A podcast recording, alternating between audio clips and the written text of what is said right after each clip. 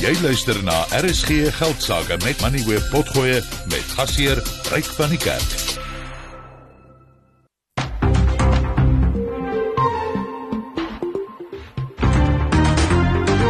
Jy luister na RSG Geldsaake met Ryk van die Kerk.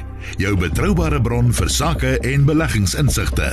Goeienaand en hartlik welkom by vanaand se program. Nou ons gaan vanaand kyk na Transnet en die aankondiging in die begroting dat dit nie enige bykomende staatshulp gaan ontvang nie. Daar gaan net 'n uh, waarborg vir skuld van 37 47 miljard rand wees. Uh dit is uh, voorheen aangekondig, maar dis nou amptelik, maar daar gaan geen kapitale inspuiting wees nie en dit het nogal die wenkbroue gelig gerig um, gelig. En ons wil natuurlik hê staatsbeheerde instellings moet op hulle eie voete staan, maar Transnet se probleme rig op die oomblik baie groot skade aan die ekonomie aan. En uh, ek gaan met uh, professor Jan Havenga van die Universiteit van Stellenbosch gesels oor hoe die bedryf nou hierdie aankondiging in die begroting ehm um, sien en en uh, of hulle natuurlik stem hulle nie daarmee saam nie maar uh, net die persepsie kry van van wat in die bedryf bespreek word. Dan die Amerikaanse markte is verlede jaar deur sewe maatskappye oorheers en hulle staan bekend as die sogenaamde ongelooflike sewe. En dis Apple, Microsoft, Alphabet of Google Meta Platforms, dis Facebook, Amazon, Tesla en dan 'n maatskappy Nvidia. Nou ons gaan 'n bietjie vanaand kyk na Nvidia want dit is uh, dalk 'n maatskappy wat nie so algemeen bekend is in Suid-Afrika nie. Maar die maatskappy se aandeleprys het verlede jaar met 233% gespring. En dit was die grootste stygings onder hierdie ongelooflike 7 en ek gaan met Jean-Pierre Verster van Protea Capital Management daaroor gesels.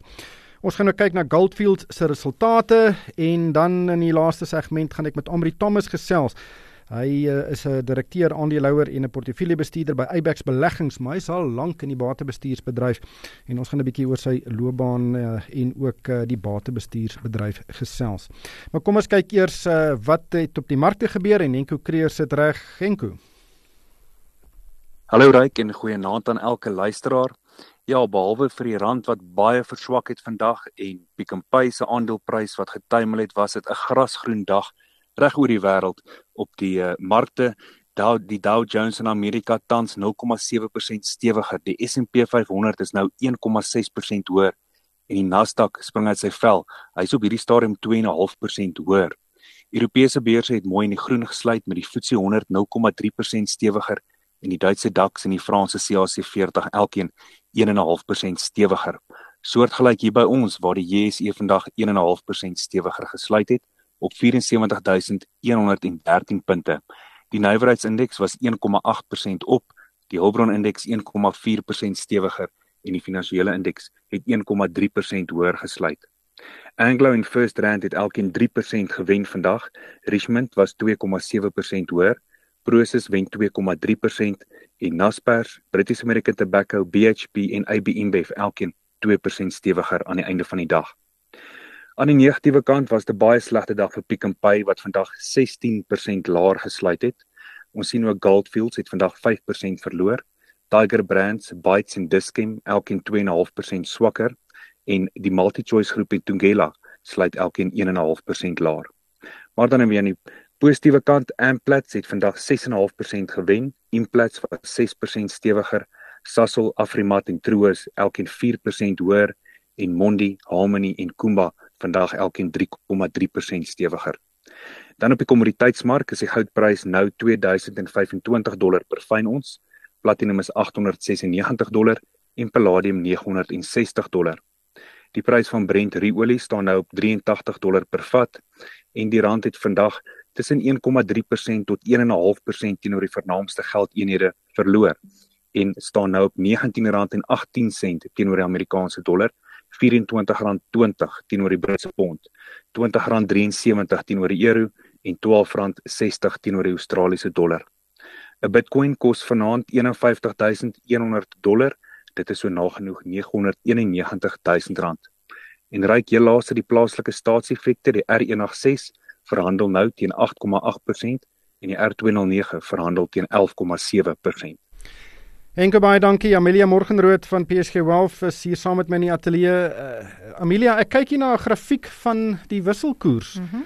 Ons het gister gesien net nadat die begroting aangekondig is, het die rand verstewig, nou nie baie nie, maar ten minste het die die wisselkoers in die regte rigting beweeg. So ook vandag, hier's rondom R18.90 tot omtrent as ek kyk net na 10:00 vanoggend en toe lyk dit my toe toe val hy sy sy sy wind uit. Ja. Ehm ja. um, en dit staan op soos Henko gesê het R19.18 in die dollar. Is daar enige rede daarvoor?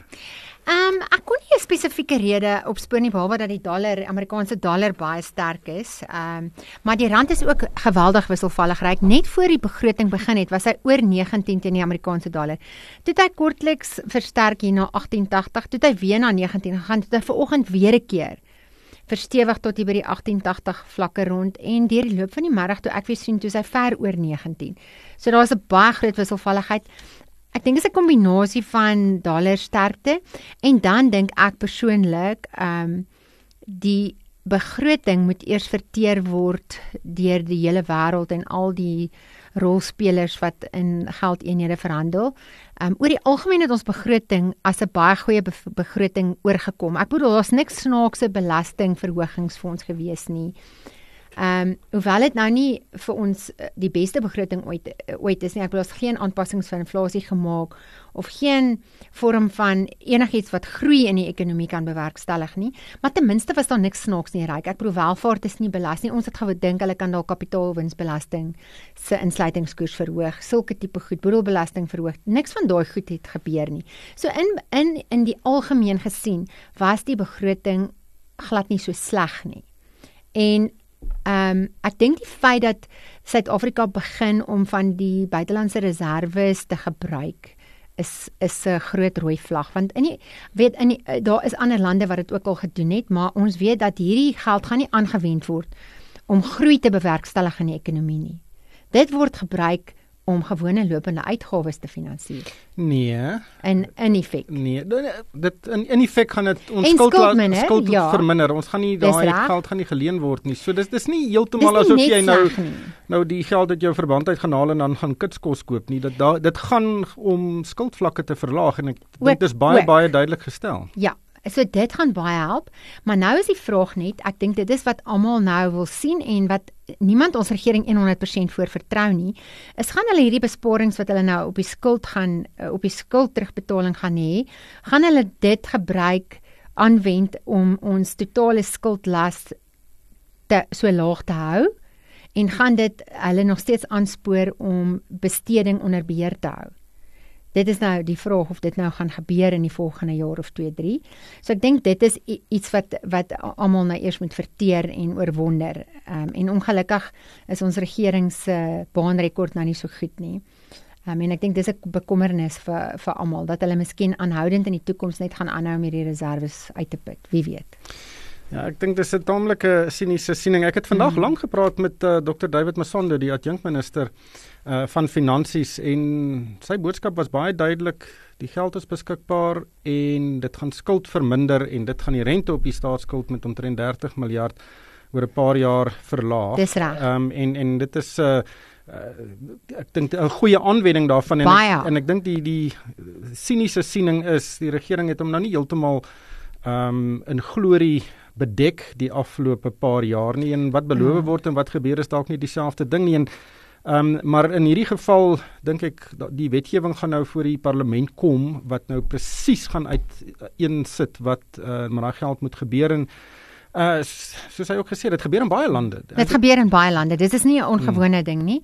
Ek dink is maar net wanneer jy 'n regering het wat nou nie wat nou nie eintlik bekend is daarvoor dat hulle geld behoorlik aanwend nie.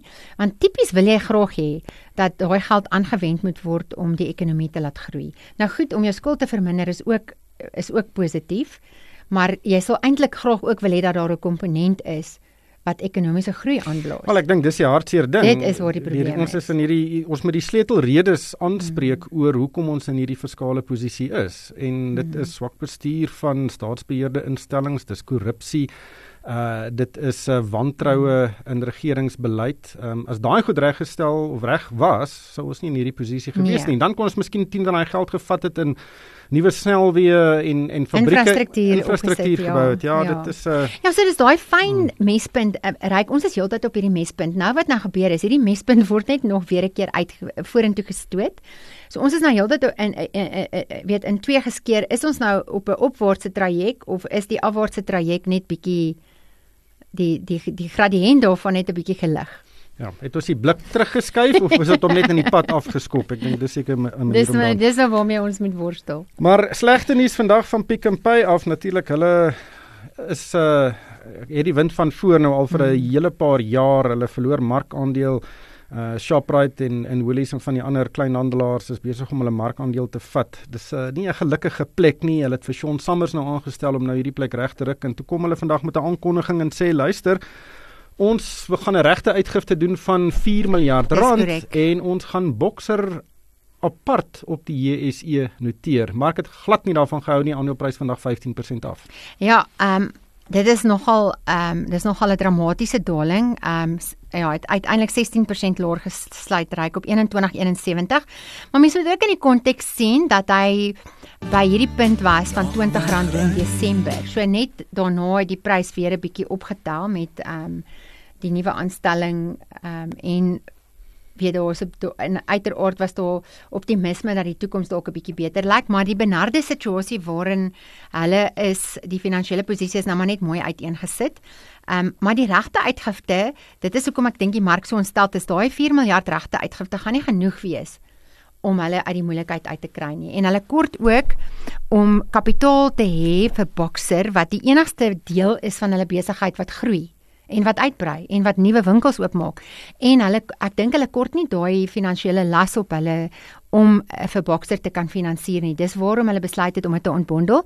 En dit is ook nie 'n onalgemene ding nie. Maatskappye wat baie in die moeilikheid is, ons het dit gesien met 'n maatskappy soos Transaction Capital onlangs. Hulle het ook planne om nou WeBuyCars apart te noteer. Dit gaan binnekort gebeur.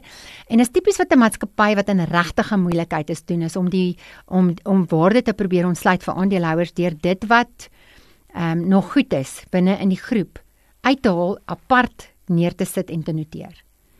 Ja, dit is 'n uh, dis, dis maar dis dis 'n algemene strategie. Maar daar's ook 'n handelsverklaring en dis ook daai duidelik dat die dat, dat Pick n Pay die die Pick n Pay deel uh, sukkel en baie. en hulle sukkel in in 'n baie meerde dingende mark. En miskien sukkel hulle so erg ryk dat hulle nie die lig sien nie, dat hulle miskien besluit om eerder die bates wat wel presterend is uit te haal en iewers anders neer te sit soos wat Transaction Capital gedoen het. Ja, klink vir my na Dit is die tipe strategie. Met daai aandeleprys as jy dit vergelyk met iets so Shoprite oor 'n 10 jaar periode as jy nou 'n belegger daar was, as jy nou minus 41% vandag.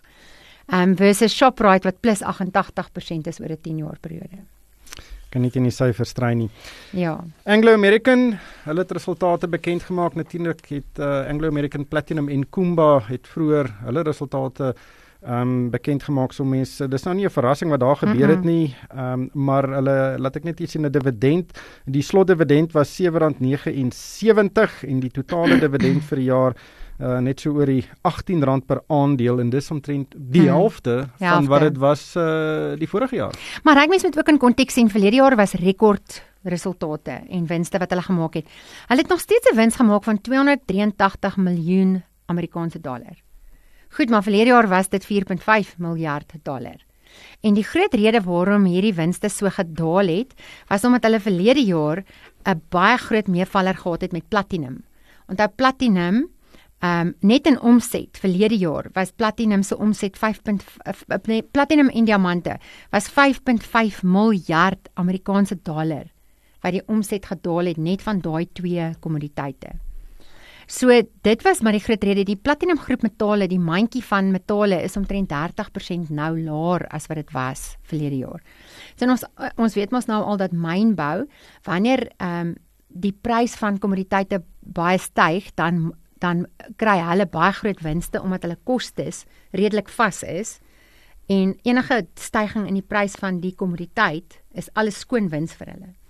So nou hierdie jaar is dit nou die omgekeerde effek van wat dit verlede jaar was. So dis nie dat die maatskappy heen is nie. Hulle het nog steeds 283 miljoen Amerikaanse dollar wins gemaak. Baie goed gedoen met koper en ystererts. Beide daai twee metale ehm um, was die groot presteerders. Dit was 72% van hulle winste gewees, net daai twee.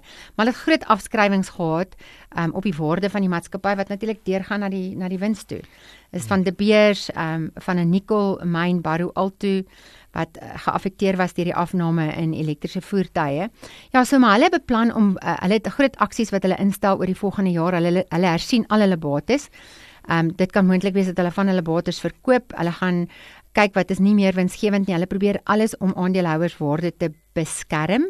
So miskien van hier af vorentoe dink ek die aandeel lyk dalk nie sleg geposisioneer vir toekomstige winste nie. Ja, as jy in enige kommoditeitsmaatskappy, enige myngroep belê, dan moet jy 'n mondskerm dra want dit is nie lineêre groei nie. Dit is op en af en dit is aggressief op en aggressief weer af. Ja. Dit is 'n sikliese bedryf en uh, ek, ek sien Anglo's se aandeleprys die afgelope jaar is omtrent uh, 35% ja. af, maar dit het vandag met 3% gespring. Baie vir die belangrikste sake nuus skakel in op RSG geldsaake. Goldfields is een van die grootste goudprodusente in die wêreld. Sy wortels strek terug tot 1887 toe dit deur Cecil John Rhodes en Charles Rudd as die Goldfields of South Africa gestig is en dit is natuurlik om goud hier in die Witwatersrand te ontgin. Daar was baie samesmeltings en oornames deur die jare, maar die huidige maatskappy is gebore uit die samesmelting van die goudbates van Goldfields of South Africa en Gencor in 1998. Die maatskappy is op die Johannesburgse en New Yorkse aandelebeurse genoteer en dit besit 8 myne in Australië, Peru, Ghana, Kanada, Chili en Suid-Afrika. Die myn in Suid-Afrika is die South Deep myn in Gauteng. Die groep het vandag winssyfers vir 2023 gerapporteer. Die omset was 5% hoër op 4.5 miljard dollar. Die wesensverdienste was 23% laer op 810 miljoen dollar. Die direksie het 'n slotdividend van 24 per aandeel verklaar en dit beteken die totale dividend vir die jaar is R7.45 'n aandeel. Die groep het gedurende die jaar 2,3 miljoen onsse goud geproduseer en dit is so wat 75 ton goud. Mike Fraser is die uitvoerende hoof en hy het op 1 Januarie die leiersels geneem by Chris Griffith wat bedank het nadat die maatskappy se poging om die Kanadese groep Yamana in 2022 oor te neem misluk het. Mike, thank you so much for your time. You've been in the hot seat for 6 weeks. Have you had time to go to all of Goldfields operations around the world?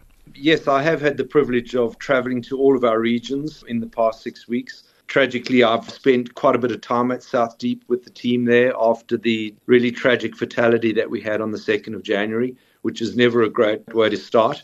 But in some respects, that has presented a catalyst for us to really rethink how we deliver safe and reliable production in our business. But as you say, this is a business that's been around for a very, very long time. And we are very conscious what we're wanting to do with Goldfields is to continue building a high quality and sustainable business for the future and for the generations to come. The group has had some I don't want to say headwinds, but unfortunate developments. The big one, the failed Yamana acquisition, and that is why your predecessor also resigned. So, where does Goldfields find itself in currently? Or maybe put differently, how should shareholders look at this performance in the context of what happened over the past few years? If you look at the background, and I don't want to go into a whole detail of unpacking the Yamana transaction, but you know the rationale at the time was kind of reasonably sound. It was if you look at Goldfields, whilst we have a very clear line of sight to a good level of production performance over the next decade, when you look beyond that, we need to start filling the pipeline with good projects. And when you look through transformative M&A, which has always got to be part of the way that you look at strategy, it can be quite viable alternative. And I think the problem is that when you look at long dated optionality and big transactions, the payback on some of these are sometimes outside of the horizon of our investors. And that's where some of the challenge sits. So, whilst it has a lot of strategic logic in the long run, in the short term, sometimes shareholders don't like that. As I see growth for the business, we do need to replace reserves, and that's going to come from a number of sources. I believe there will be further consolidation in the sector. But what I much prefer are kind of bolt on acquisitions where you find mispriced assets or opportunities to collaborate. And great examples like that are the Windfall acquisition. We're going to partner with Cisco Mining Development. That is a great opportunity. The Tarkwa Idioprium JV with Anglo Gold Ashanti will provide additional opportunities for growth. In addition, working with juniors on advanced exploration projects, we've got a number of partnerships in the portfolio that will allow us to give line of sight at a fairly low cost way into potential additional resource additions and also our own near term mine development. The gold price is currently relatively strong around $2,000 an ounce. I think if it can stay there, virtually all gold mines will report good profits. But you state in your results you believe it may not last. It may pull back a bit, or there's a possibility thereof. So, what are your views on the future of the gold price? We are always sensible and pragmatic. I have a view that I think gold price will be supported for the time being. I think there's a number of global factors that are supportive of gold, not least of which is I believe that inflation is going to be sticky for some time, whilst there's been some relief there as we see interest rates coming off, which have to start coming off, otherwise we're really going to have some challenges. There's also strong central buying support. So I think those will continue, particularly because of a bit of polarization that's going on in the world and the reducing reliance on the US dollar or the some people trying to reduce reliance on US dollar for the reserves. And I think that will be all supportive of gold. The other thing is that gold will always have a role to play in people's portfolios. And as we know, we're not the only ones struggling with reserve replacement. And so supply is not going to be that easy to add, in which case I would suspect that would be supportive. But having said all of that, we are very mindful of consensus, which is really a set of really good economic thinking, which comes up with a long term price point, and we manage our business largely to that. In your overview of the South Deep mine here in South Africa, you referred to the tragic incident where uh, one of your employees passed away, which disrupted operations there.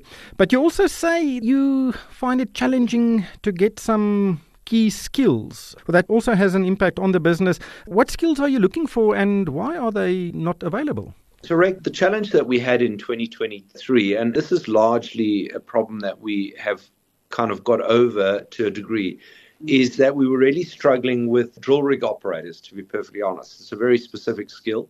And we were finding, particularly with the development of some new underground projects in South Africa, that some people were attracted away. And we know that we do have very capable people operating in some fairly challenging underground conditions. And they were lured away, and we had to go through a process of replacing those. So there was a bit of a disruption in probably the second and third quarters of last year, but we seem to have got that back on track. And certainly from the beginning of this year, that seems to be a problem that we have resolved. Just an aside, which is really interesting, is that we've actually trialed the first drill operation from surface as an example. So we're really thinking through technology as to how we can mitigate some of those skill shortages. Dankie Mike, dit was Mike Fraser, is die uitvoerende hoof van Goldfields. Daar is geen geld sake met Moneyweb. Elke week saam tussen 6 en 7. Nou gaan ons gesels oor Transnet en nog Kodingwana het gister in sy begroting aangekondig dat Transnet nie enige bykomende staatshulp gaan ontvang nie. Hulle gaan 'n waarborg kry van 47 miljard rand vir skuld en hulle kan dit uh, en en dit is ook reeds uh, aangekondig uh, voorheen wou Transnet oor 100 miljard rand gehad het insluitende 'n groot kapitaalinspuiting maar uh, die minister het gesê nee, geen bykomende inspuiting nie. Julle moet julle julle eie finansiële sake in orde kry. Nou natuurlik wil ons almal sien dat staatsbeheerde instellings op hulle eie voete staan sodat belastingbetalers nie vir die gemors daar moet betaal nie. Maar uh, Transnet is 'n sleutelspeler in ons ekonomie en die probleme daar rig baie groot skade aan. En uh professor Jan Jan Hafengas op die lyn, hy is van die departement van bedryfsingenieurswese aan die Universiteit van Stellenbosch. Jan, baie welkom by die program. Wat is jou siening oor die minister se besluit om geen om om vir geen kapitaalinspuiting te begroot nie? Uh, baie dankie vir die vir die uitnodiging Ryk. Ek het geluister toe julle vroeër gepraat het oor uh, een van jou gaste het gesê ons moet eerder die geld wat uit die reservefonds aantrek word uh, byvoorbeeld belê in in projekte wat wat wat vir ons gaan groei gee. Maar die punt is ek dink nog beter nog as ons dit projekte kan belê of op 'n manier kan belê waar waar groei nie verder verongeluk word nie. Ek bedoel ons net vir onsself sê dat Transnet hierdie hierdie bruto binnelandse produk van Suid-Afrika 5% gekos. Sy gewerk het soos hy moes, hy het 'n 5% groei gehad. Ek bedoel so maklik soos dit, maak dit net reg. Nou wat vir my bietjie verstom is is die feit dat ons het, het oor die laaste jaar begin om al die regte goed te doen. Ons ons het 'n krisisplan bymekaar gemaak. Ons het die roetekaart wat die minister ook na verwys het, het gesê dat die Transnet moet daai roetekaart volg. Dis een van die voorwaardes vir die vir die, vir die soewereine uh, waarborg wat hulle gekry het en so aan. Ons al die regte goed gedoen. Ons tydelike bestuur wat ons aangestel het daar is is is van die beste. Dis is goeie mense.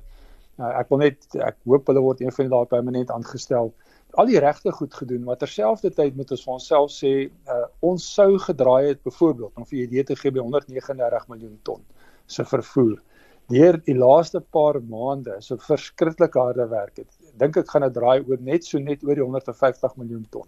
Die mense het eintlik 11 miljoen ton se vervoer uit niks uit vervaardig deur net weer dinge reg te doen, soos ons al van tevore oor gepraat het.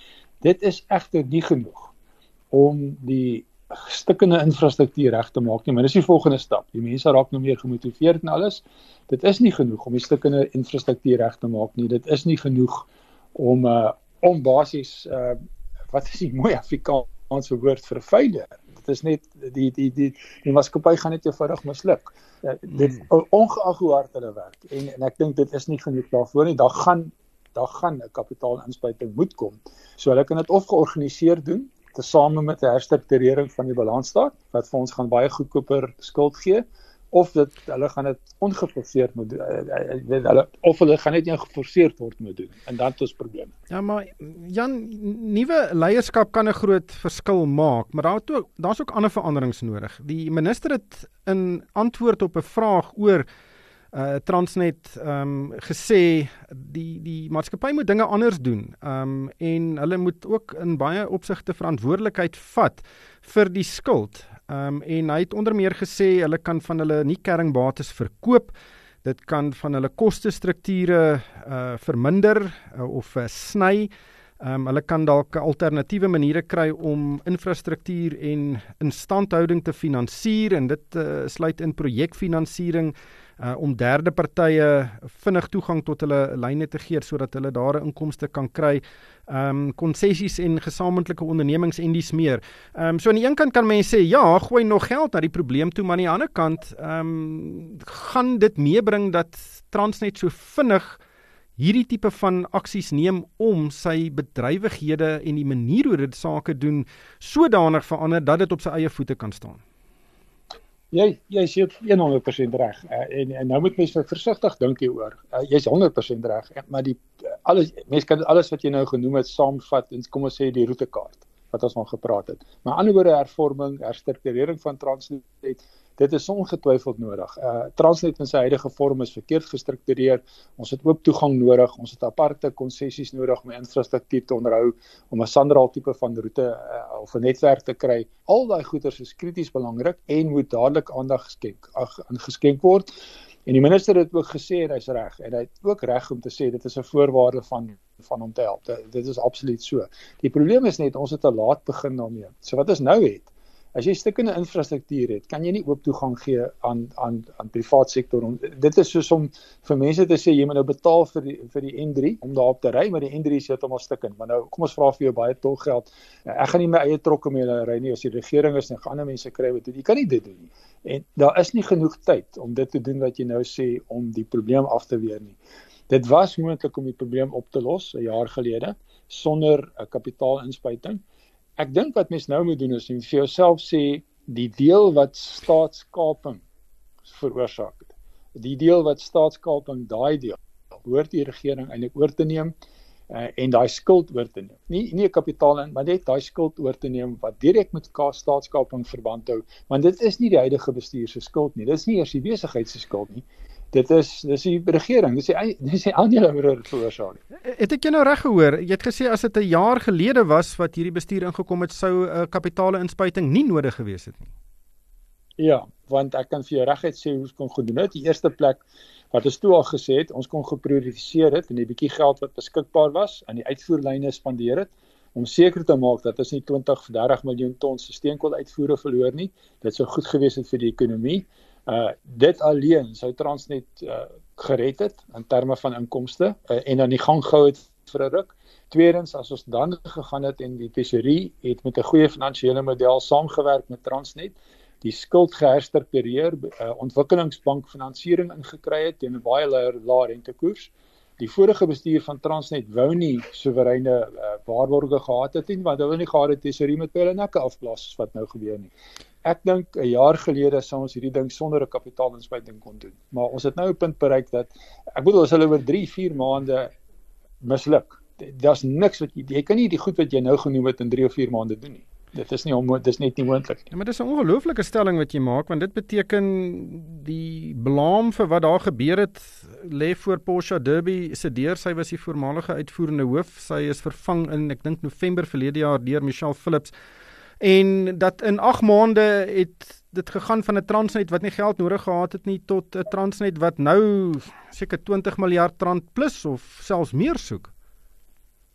Dis reg, ek het uh, van tevore al die stelling gemaak. Ek dink die skade wat deur die vorige bestuur, nie die staatskaping bestuur nie, maar die bestuur voor uh voor Michelle Phillips en en en hulle veroorsaak is as erger as staatskaping. Hulle hulle het 'n slegte situasie geërf en hulle het dit slegter gemaak. Hulle in plaas van om die kritiese infrastruktuur te beskerm, het hulle dit nie gedoen nie.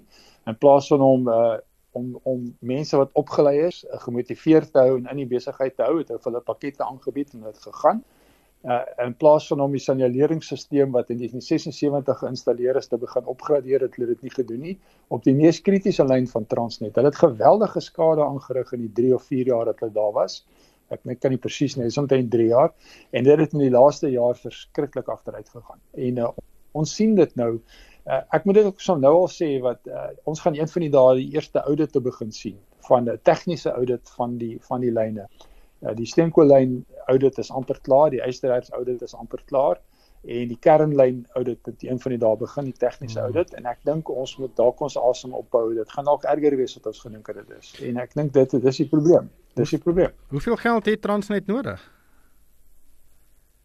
Ek dink ek dink die twee stappe. Ek dink as ons die die 50 tot 50 tot 60 miljard rand uh uit daai soewereine fonds uitvat en hulle skuld oorneem.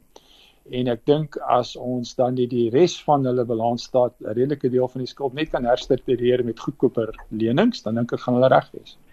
En dan moet ek hulle moet bly soos hulle is nie. Daar's nie met my die minister saam. Dan moet ons herst, die, die voorwaarde daarvan wees herstruktureer, kry die private sektor in, uh, maak die maak die netwerk reg, kry private terreine om op te ry, breek die maatskappy op uh, dat hy moet lyk soos hy moet lyk.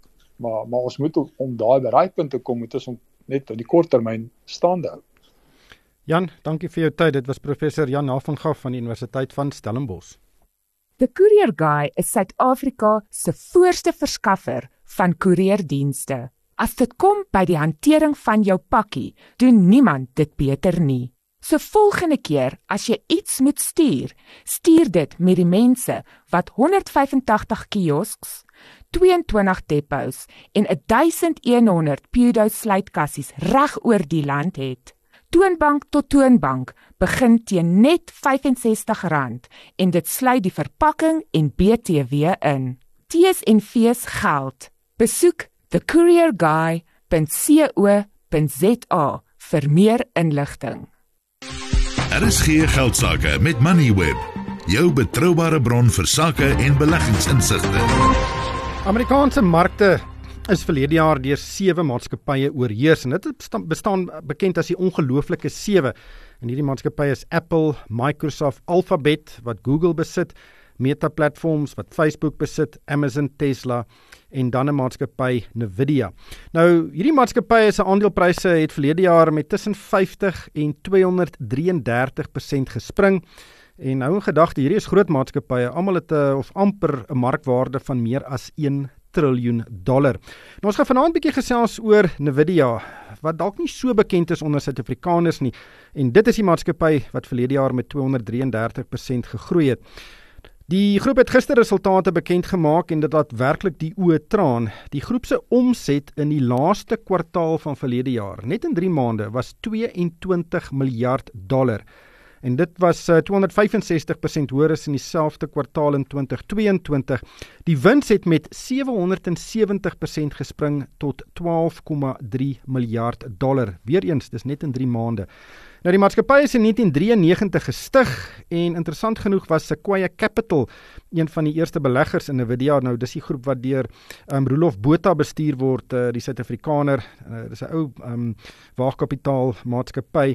En die besigheid is begin met 40000 dollar in die bank in 'n garage daar in Kalifornië en vandag het die markwaarde net net uh, onder 2 triljoen rand uh, beloop. En dit is meer as Alphabet en Google se markwaardes. Jean-Pierre Verster is van Protea Capital Management. Hy's op die lyn. Jean-Pierre, baie welkom by die program.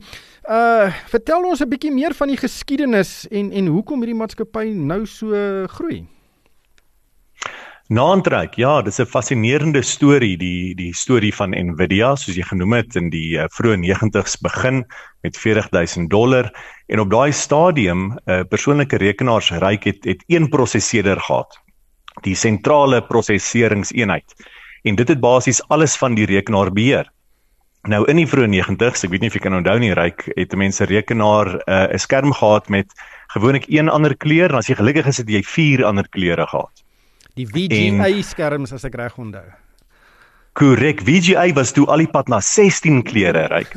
en is presies in daai tyd dat uh, die stigters van Nvidia besef het dat ehm um, die skerm gaan 'n baie belangrike komponent van die rekenaar word. En as die skerm meer kleure gaan vertoon en kleiner pixels gaan hê, 'n beter uh, resolusie gaan vertoon, dan gaan die skerm en die kaart wat die skerm beheer, sy eie prosesseringseenheid moet hê. En hulle dus met die skep van Nvidia uh die die uitvinders geword van die grafiese prosesseringseenheid. En dus vandag nog het rekenaars nie net een prosesseringseenheid, die sentrale prosessering tweede een wat net fokus op mense skerm en dit is die grafiese prosesseringseenheid. Nou ons kan 'n bietjie verder daaroor praat, maar vandag word hierdie uh grafiese prosesseringseenhede van Nvidia nie meer net vir skerms gebruik nie. En dis eintlik waar die groot groei meer onlangs vandaan gekom het. Ja, absoluut. Ehm um, hulle het gefokus op uh skerms en dat uh jy uh, baie baie veral speletjies kan speel en hulle baie goed lyk. Like. Maar kom ons uh, spring van die vroeë 1990s tot hierso 2020 2022 en dis waar die dinge begin het. Nou mense daardie prosesseer uh, of daardie skyfies, um, daai verwerkers begin gebruik vir ander dinge insluitende kunsmatige intelligensie en dit is waar hierdie ontploffing begin het. Absoluut, reg. So uh, Nvidia het toe agtergekom dat mense hierdie uh, grafiese prosesseringseenhede vir baie meer as net uh uh grafieke kan gebruik en op 'n stadium was dit die ehm um, die rekenaarspeletjie spelers wat dit gebruik het om Bitcoin te myn en toe van daar af is dit die meer ernstige rekenaarwetenskaplikes wat dit gebruik om 'n klomp verskillende berekeninge op een slag te kan doen. En dis die verskil tussen 'n grafiese prosesseringseenheid en 'n sentrale prosesseringseenheid is dat 'n grafiese prosesseringseenheid doen trans uh, doen uh, berekeninge in parallel sodat 'n mens se hele skerm al die verskillende pixels op dieselfde tyd kan beheer.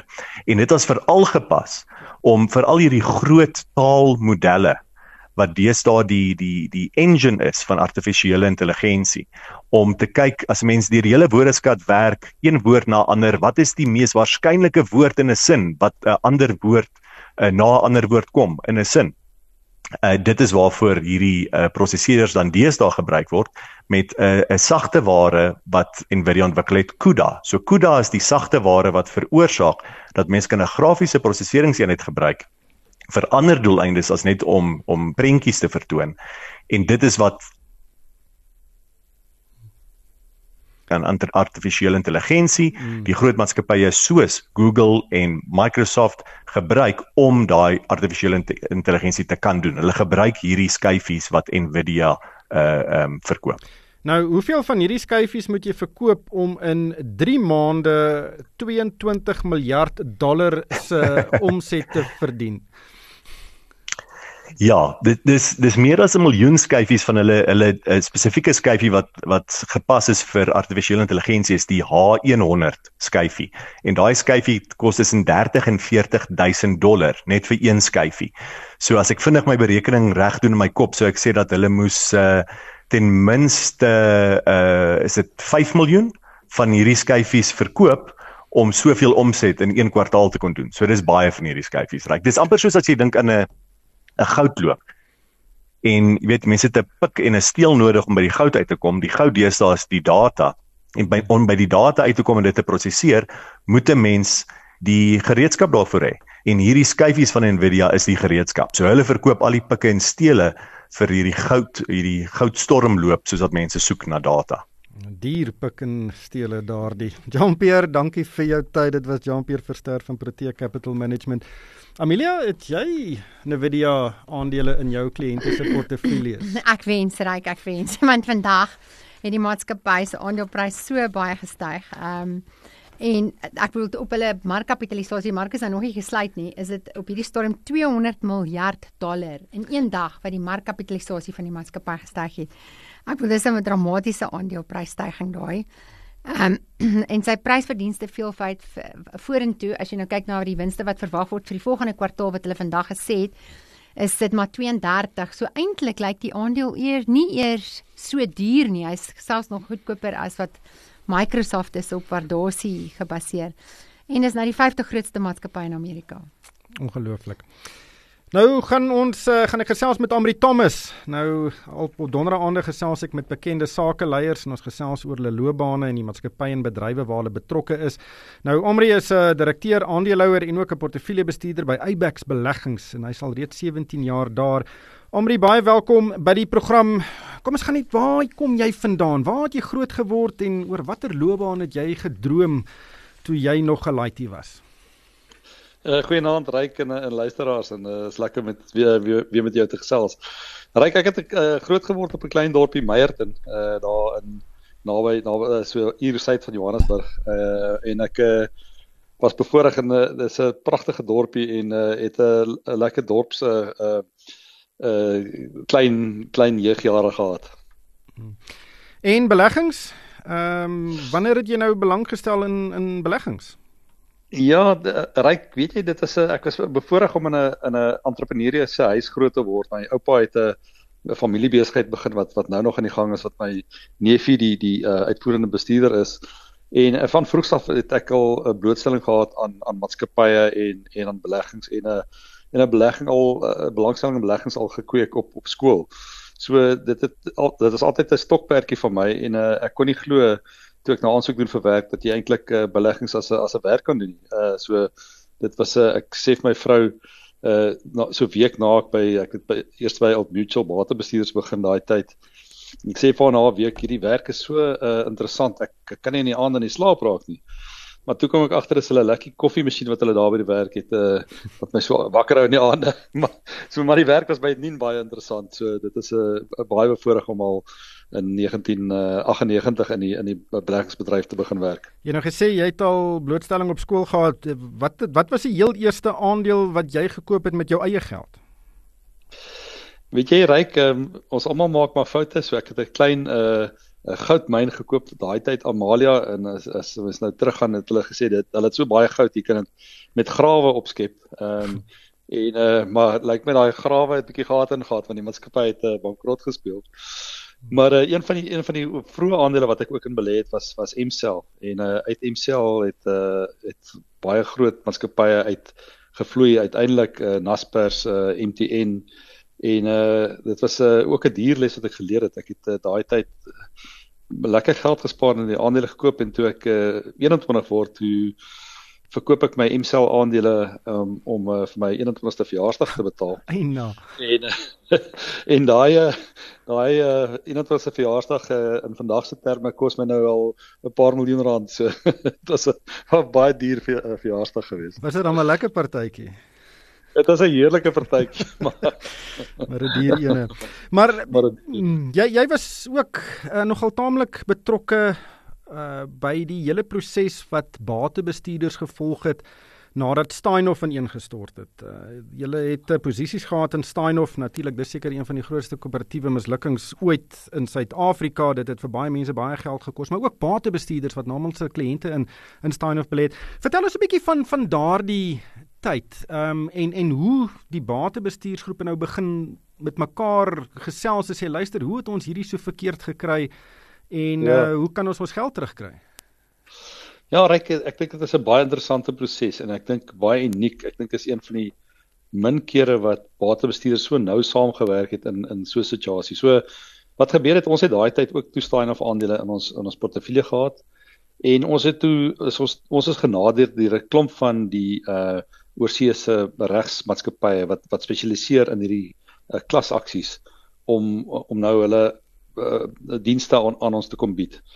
En uh en ek het net daai tyd gedink maar al die batebestuurders gaan deur dieselfde uh storie en en en dit is moeilik om te besluit wie is die beste. So ons het toe 'n dag gereël wat ons al hierdie uh, uh klasaksie uh prokureurs genooi het om ons te kom toespreek.